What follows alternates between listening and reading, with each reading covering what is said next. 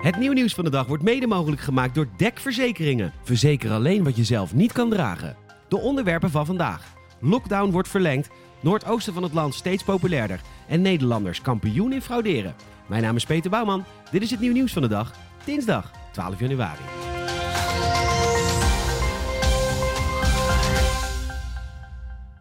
We beginnen vandaag natuurlijk met de persconferentie van zojuist. Uiteraard was het allemaal al bekend, maar de lockdown in Nederland wordt met drie weken verlengd tot en met dinsdag 9 februari. Er is grote angst voor de Britse coronavariant die nu in Engeland en Ierland om zich heen slaat.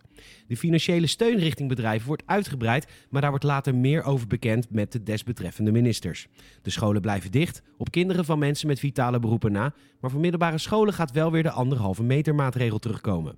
Er wordt gekeken of de basisscholen en kinderopvang eerder open kunnen, op 25 januari, maar er moet eerst onderzoek worden gedaan naar hoe besmettelijk de nieuwe variant is onder kinderen. Er wordt gewaarschuwd voor een eventuele avondklok in de toekomst om vooral groepsvorming onder jongeren te bedwingen, maar daar is op dit moment nog geen sprake van. Tot slot de dringende oproep: blijf tot en met maart in Nederland. We kunnen er niks anders van maken dan hou vol. Het is tijd voor het nieuw nieuwsgetal van de dag. Je krijgt nu een getal en aan het einde van de podcast de context. Het nieuw nieuwsgetal van de dag is 5 miljoen.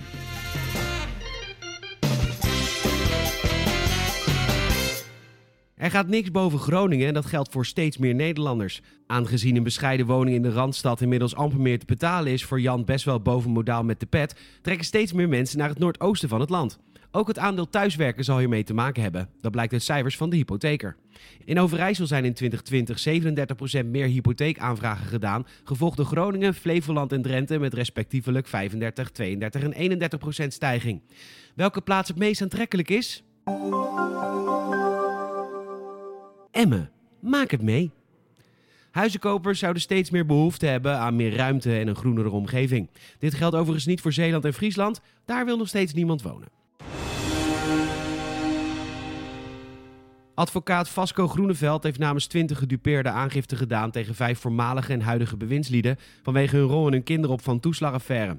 De aangifte is gericht tegen huidige ministers van Ark, Hoekstra en Wiebes en tegen afgetreden staatssecretaris Snel en oud-minister Ascher. De advocaat claimt dat de bewindslieden zich schuldig hebben gemaakt aan een ambtsmisdrijf en nalatigheid. Door deze nalatigheid kon de Belastingdienst zich schuldig maken aan zogeheten knevelarij en beroepsmatige discriminatie, het schenden van artikel 1 van de Grondwet en het schenden van het internationaal verdrag in zaken de rechten van het kind. De aangifte volgt uiteraard op het vernietigende rapport van de parlementaire ondervragingscommissie over de kindertoeslagenaffaire. Daarin werd geconcludeerd dat de getroffen ouders een ongekend onrecht is aangedaan. Dierennieuws. Komiek Ricky Gervais sprak vorige week een hele bijzondere en nobele wens uit in een interview met Conan O'Brien. Hij wil zijn lichaam na zijn dood ter beschikking stellen aan de leeuwen in de dierentuin van Londen. Het zou goed zijn om gevoerd te worden aan de leeuwen van de London Zoo.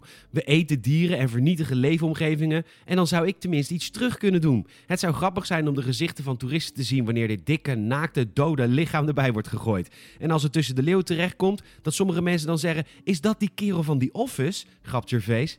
Helaas zal de London Zoo niet op de wens in kunnen gaan. Volgens Catherine England uit Engeland, bestuurder van de dierentuin, past Gervais helemaal niet binnen het dieet van de leeuwen en zou hij te kraakbeenachtig zijn.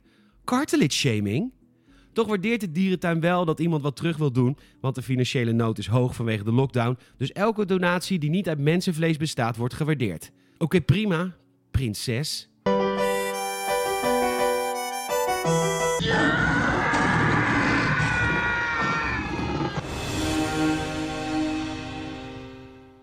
Je verwacht het niet, maar wij Nederlanders zijn echt enorm goed in frauderen. Sterker nog, we zijn van alle Europeanen de absolute kampioenen in het laten vallen van iPhones in het toilet en het laten verdwijnen van koffers op vakantie.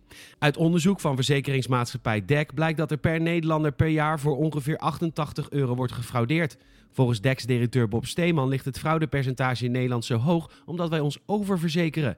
Nederlanders houden van een sociaal vangnet en verzekeren zich daarom soms meer dan zij nodig hebben. Daardoor vinden zij dat dan ook recht hebben op een claim, ook al is die claim onterecht, stelt hij. Steeman heeft zelf bij verschillende verzekeraars gewerkt en kwam daar de meest bizarre claims tegen. Een nieuwe iPhone kwam uit en klanten dienden dan massaal claims in omdat hun oude telefoon stuk was of in het toilet was gevallen. In een reactie erop hebben we als verzekeringsmaatschappij alle klanten met die claim een oude iPhone opgestuurd in plaats van geld uitgekeerd. Dat zal ze leren.